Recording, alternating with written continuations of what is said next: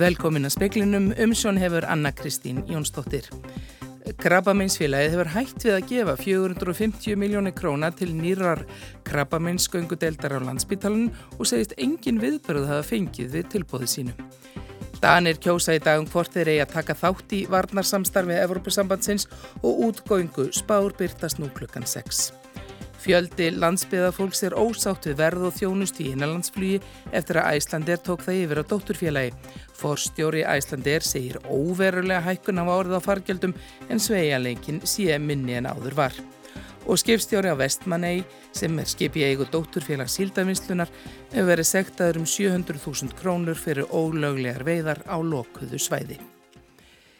Krabbaminsfélag Íslands hefur dreyið tilbaka 450 miljóna krónar styrk til landsbítalan sem ætlaður var nýri dagdeild blóð og krabbaminslækninga.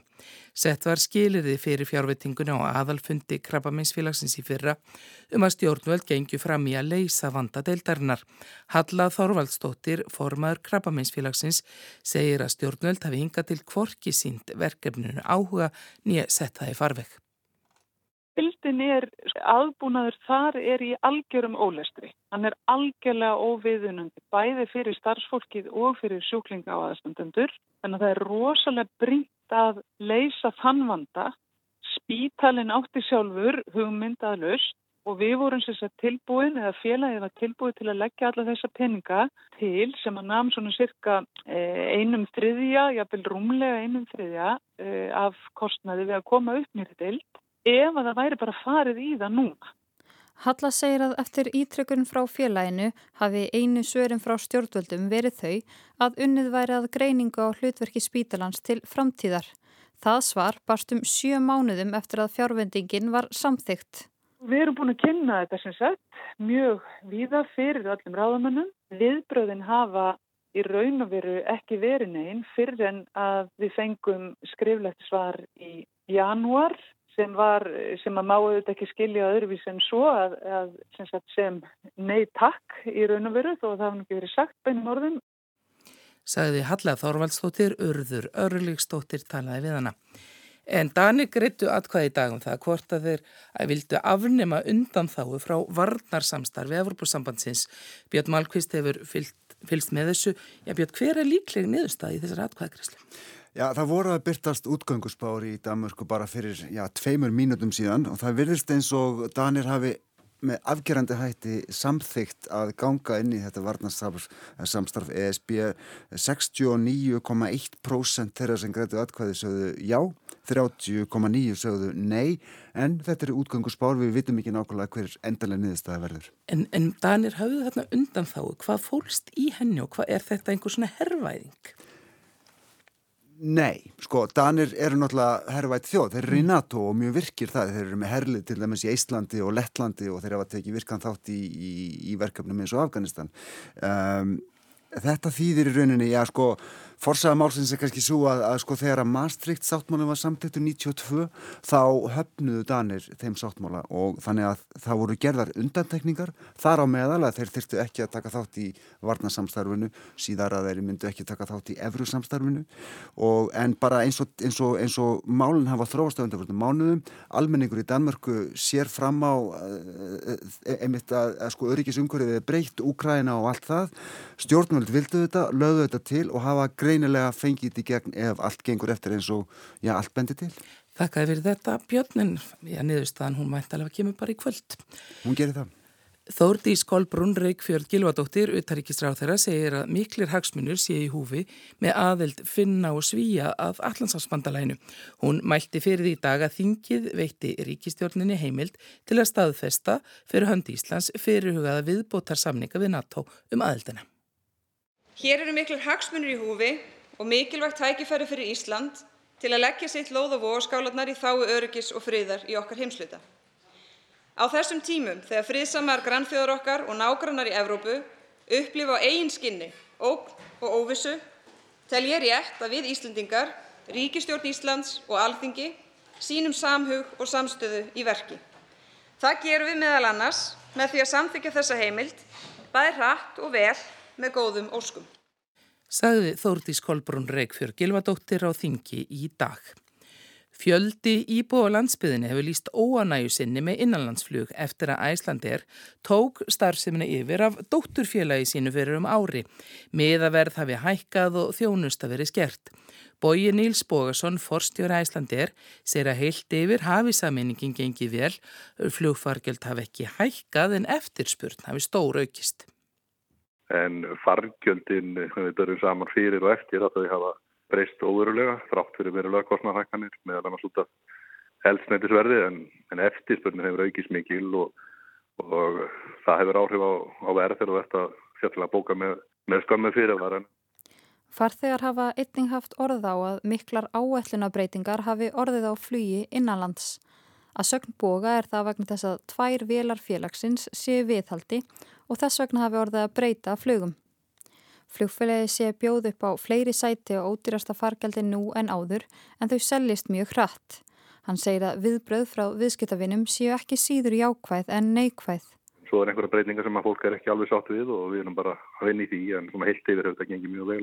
Getur þú nefnt eitthvað sem fólk er ekki sátt með?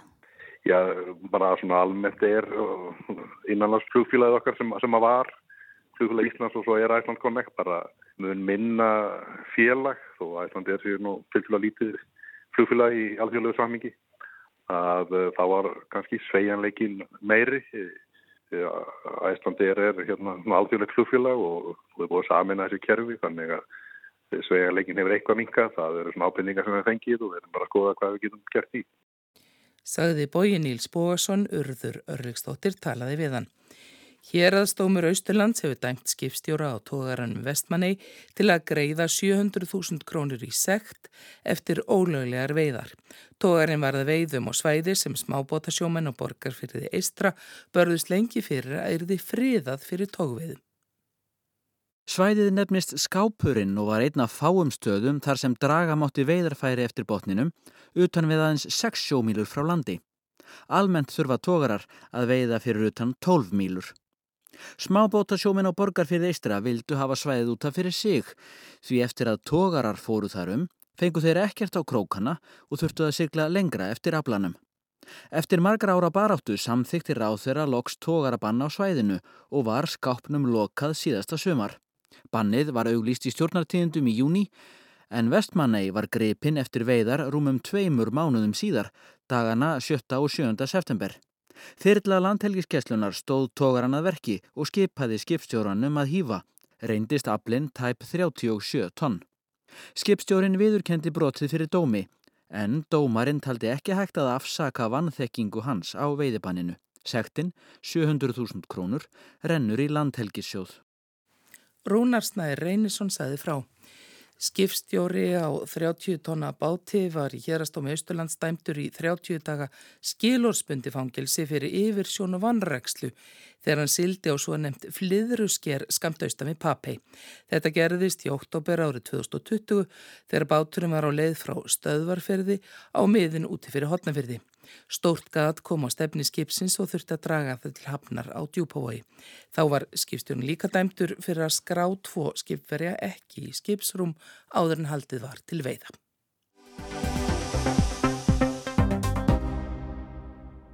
Sumarið er komið og vorblíðan upp á síðkastið hefur ekki dreyið úr þeirri tilfinningu. Ferðaþjónustan er komin á mikið skrið, gistinættur og hótelum voru fimm sinnum fleiri í apríl en þar voru í aprílmánuði fyrra. En þó að viðsnúningurinn verist skarpur og jafnvel brattar en búist var við, blasir líka við að mönnun getur orðið erfið, miklar hækkanir hafa orðið til dæmis á eldsneiti og það skila sér beintin í ferðarkostnað, hvort sem er í verði á flugmiðum eða bensíni. Skarpjæðinberg Steinarsson ferðamálastjóri segir að fjöldi ferðamanna sem fara um Keflavíkuflugöld sé farin að nálgast það sem var fyrir faraldur í brottfaratalningu sem við erum að byrta núna á næstu dögum að þá erum við að sjá að við erum, að, við erum ekki alveg komin í 2019 tölur, við erum að nálgast að bísna mikið og, og allt sem við heyrum varðandi sumari þá eh, er allt sem bendir til þess að verði, þetta verði gott sumar og, og við einhversta nálagt því sem við vorum að sjá e, í umsumum fyrir, fyrir COVID. En þó að sumarið líti vel út hér, læðast alltaf fólki áhyggjur. Það er óstöðuleik í verðlagi, það er kostnæðarhækkanir og það er, það er skortur á, á vinnuafli frá því sem við sáum fyrir, fyrir COVID. Allt þetta býr til vandamál. Ólíuvershækkun er, er ekki góð fyrir, fyrir neitt og allar síst fyrir ferðarþjónastuna. Þetta þýðir hækkun á ekki bara flugi, heldur líka á öllum öðrum samgöngum og afþreyingu og í mörgum löndum þýr þetta líka hækkun á, á kynningakostnaði og öðru slíku. Þannig að oljuvershækkun eða hækkun á, á verði orku hefur umtalsverð áhrif á ferðarþjónustuna þó kannski einhver liti minni hér heldur en annar staðar út af, af kynning og slíku en, en flugi klárlega.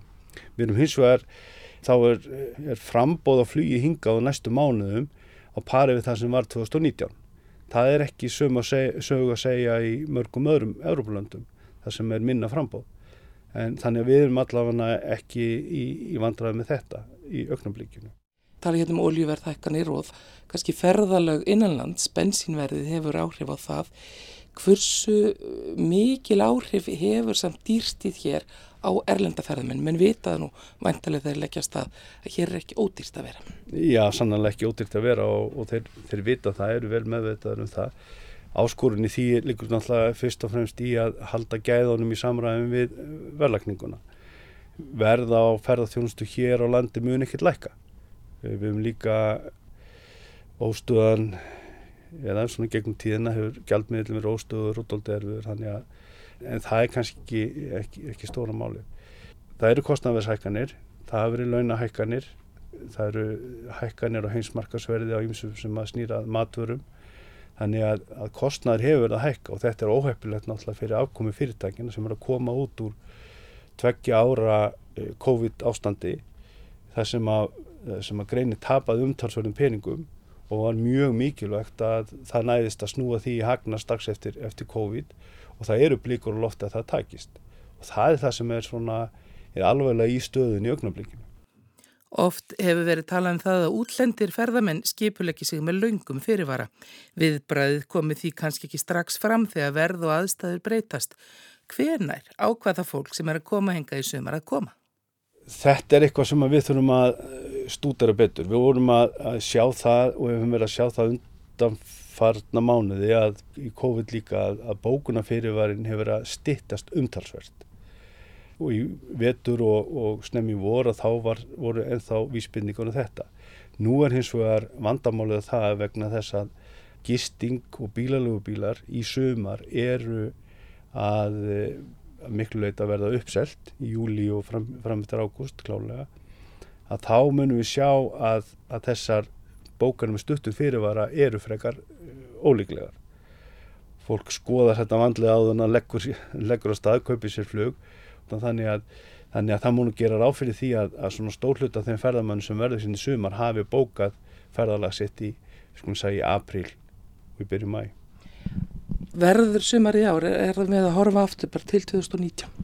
Já, það er svona ímslega sem bendir þess að, að hérna, það verði ekkit ósvipað. Það var líka sem við sáum í, í COVID að dvala lengt var að aukast sem var náttúrulega mjög gott og eitthvað sem við höfum vonast til þess að myndi endast eh, en, en eh, svona með það sem er heyrir að þá, þá er svona þessi lenging sem að sem var á síðast ári í dvalalengd, hún sé að einhver leita ganga tilbaka og það er áskorun að reyna einhvern veginn að hafa dvalalengdina sem, sem mesta og lengsta. En hvað er hægt að gera til þess að halda lengur í fólk? Þessi tilneying er ekkert sér íslenskt að það sé að stitta dvalalengdin. Það er víða. Nú erum við búin að vera með áskorunni kringum COVID, það hefur verið stríð, það eru kostnavershækkanir og ímislegt svona sem að við getum sagt að séu tíumbundið fyrir COVID að þá voru það umhverfismálinn sem var svona stæsta ógnin í kringum ferðarþjónustuna og bara okkar samfélag. Það er að koma aftur og það skal enginn halda það annað heldur en að, að það verði fyrirferðarmest í umræðinni á næstu missjónum og árum. Hvernig getur eh, ferðarþjónustan orðið en umhverfisvætni og sjálfbærari? Og í tengslum við það er náttúrulega ákjósanlegt að ferðamenn dvelji lengur.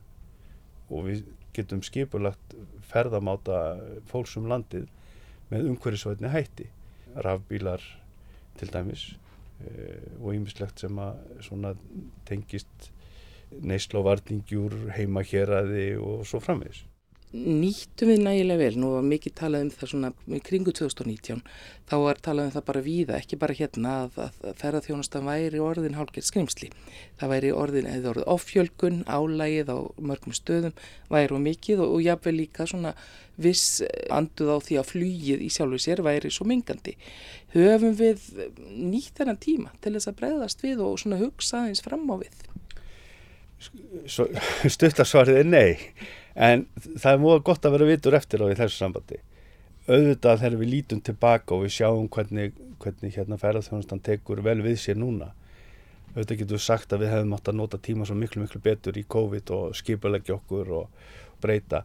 Það er hins vegar þá, þá vitum við það að það er mjög mörg ferðarþjónustu fyrirtæki sem hafa gert mjög gott með að innlega tæknilausnir hagraði hjá sér fara í nýsköpun gera margt gott til þess að bæta sinn rekstur.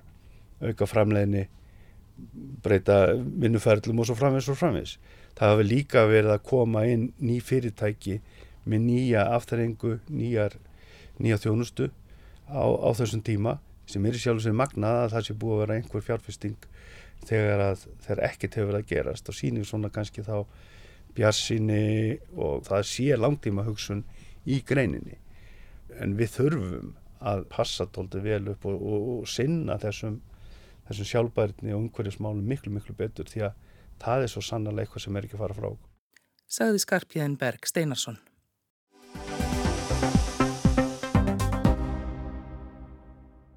Í gær var Amiri Joe Garza jörðuð í Uvaldi í Texas. Hún var tíu ára, ein af nítjón börnum sem árásamaður skaut auk tveggja kennara í grunnskóla í bænum í síðustu viku. Í vikunni fer útför 11 barna og annars kennarans fram. Mörg hundruð bæjarbúar fylgdu Ameri til gravar. Hún bjó í sömu götu og skólinn sem nú er lokaður og rannsakendur beigja sig undir gula límbandið sem afmarkar vettvang gleipsins. Mikil Olga er í Texas. Viðbröðu lauruglu hafa verið gaggrínd, sérstaklega að hún beigð átækta og árásarmæðurinn var rúman klukkutíma inn í skólanum áður en hann var skotin til bana af lauruglu. Hann hafði skotið að lauruglumönnum, beðið var eftir liðsauka og talið að maðurinn hefði lokað sig einan af. Umræðum bissulögjöf og hvort hægt sé að komi vekk fyrir árásir á borði þá í úvaldi er líka hávær en ekki endilega líklegt að henni verði breytt. Enn og aftur er sjónum beint að því að hvergi sé líklegra að börn degi af skotsárum enn í bandaríkjunum. Þó að það sé í fæstum tilfellum í árásum á skóla eins og ferri í síðustu viku hafa nöfn eins og Columbine, Virginia Tech, Sandy Hook og Robb greift sig í þjóðarsálina vegna skot árásað þar sem nemyndur voru drefnir. Bílslis voru áratugum saman algengasta dánarósök ungs fólks í bandaríkjunum en nú eru meiri líkur á að börn og ungt fólk falli fyrir bissukúlu en degi í bílslisi.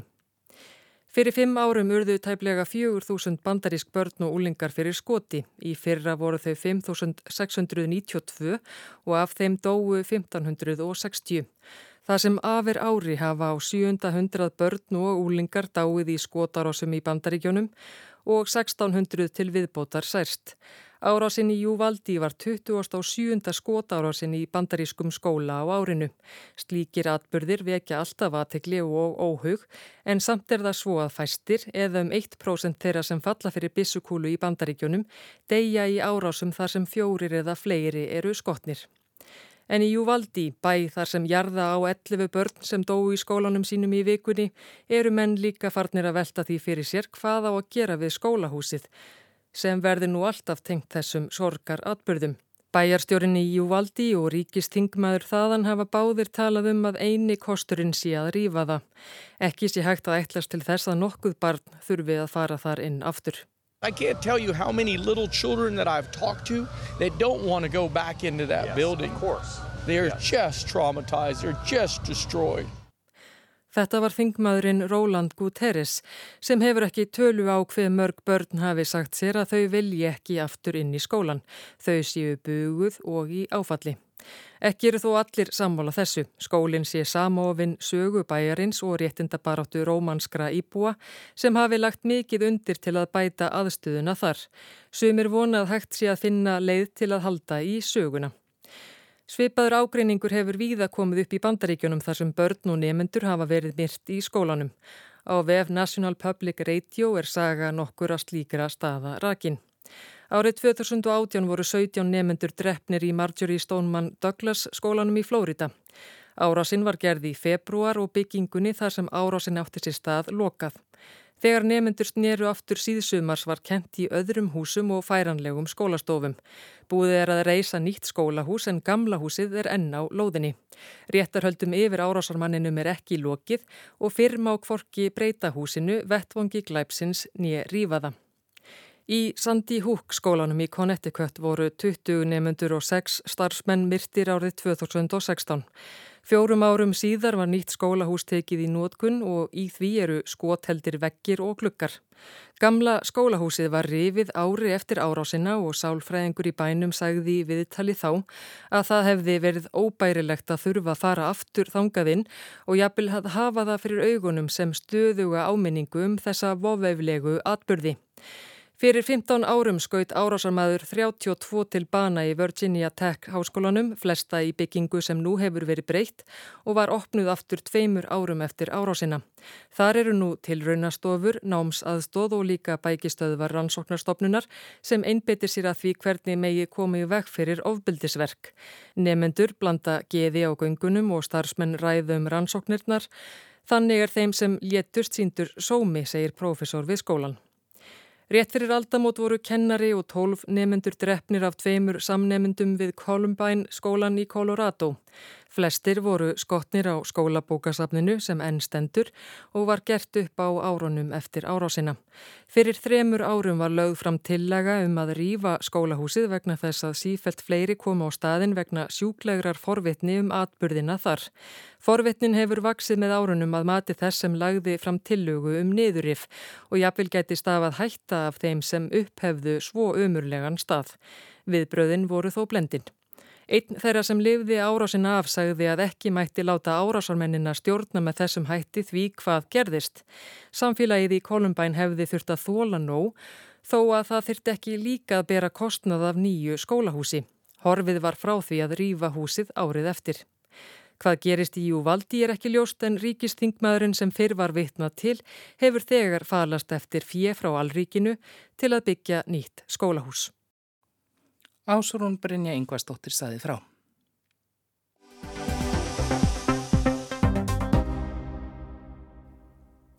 Fimmtán ár er í dag frá því að reykingar voru bannaðar með öllu inn á veitinga og skemmtistöðum.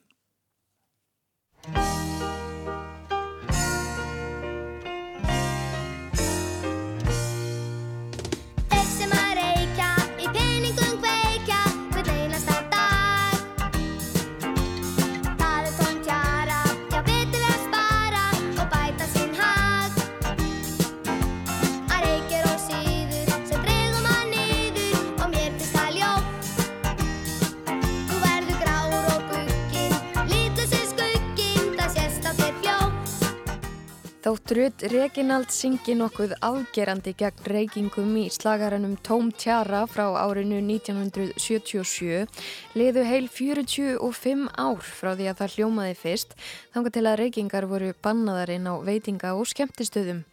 Bannið var mikið hita mál á þeim tíma og skiptist fólkja vel í tvær fylkingar með og á móti reykingabanni.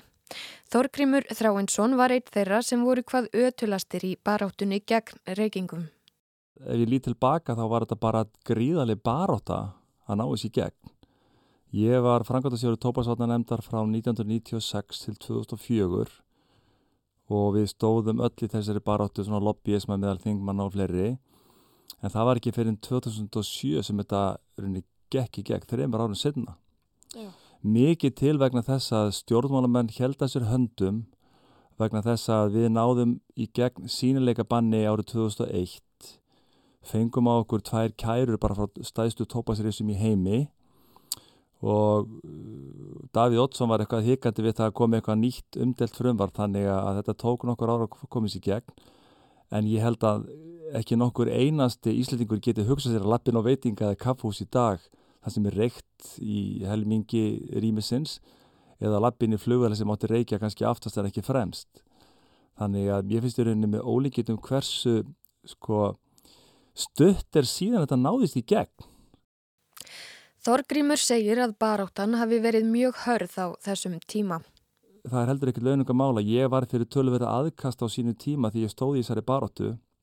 Margir heldur ég væri bara í sjálfbóðinu en ég var í launuðu starfi sem frangatisjóru tópastaðanemdar. Síðan man ég eftir því að ég fekk nokkur hótunarbref á sínu tíma og við komum til hérna að því hvar við komum til bjó en fórum aldrei inn. En svo fyrir tveimur árum, held ég einhverju 15 árum eftir ég var í þessari baráttu, þá fikk ég blóm, blómvönd heim til mín með sömu skrift og hótaði mér hann fyrir 20 ára wow.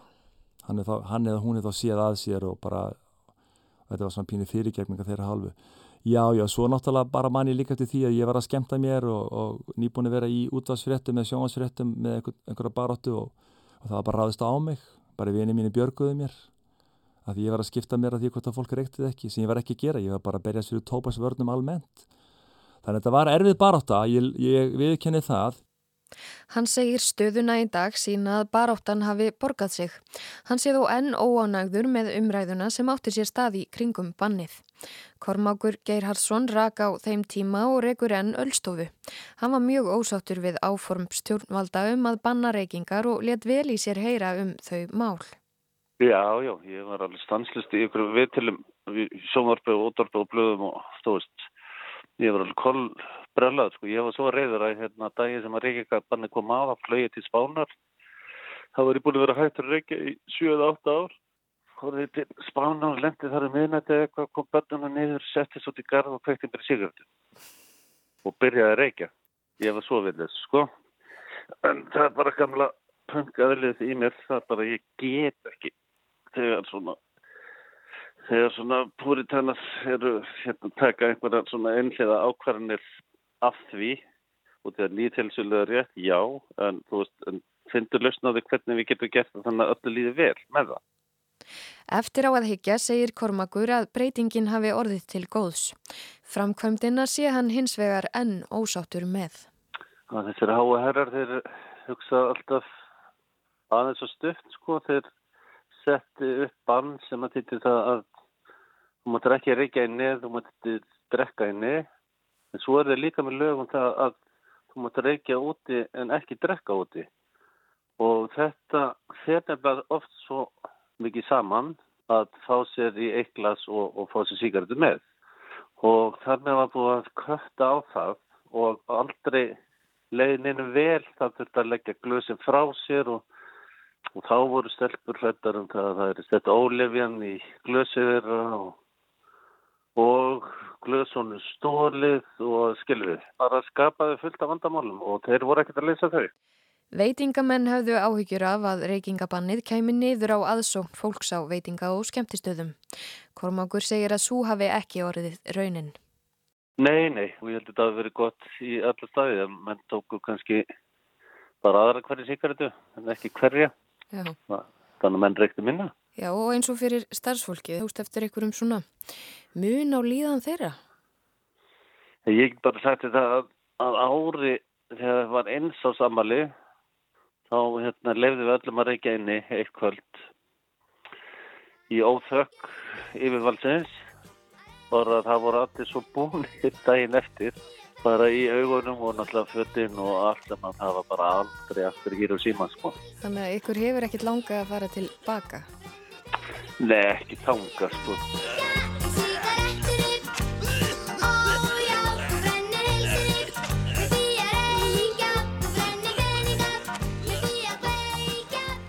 Þetta var þetta Rud Reginalds aftur þarna í lokin. Hafdís Helga, Helga dóttir talaði við Þorgrim Þráinsson og Kormark Geirhardsson. En veðurhorfur á landinu til miðnættis annað kvöld, það verður suðvestanátt 3-8 metrar á sekundu á morgun og væta með köplum en úrkomu lítið norðaustan til og kólunar heldur vestanlands. En fleira er ekki speklinum í kvöld, tæknum aður í útsendingu var Mark Eldrætt veriði sæl.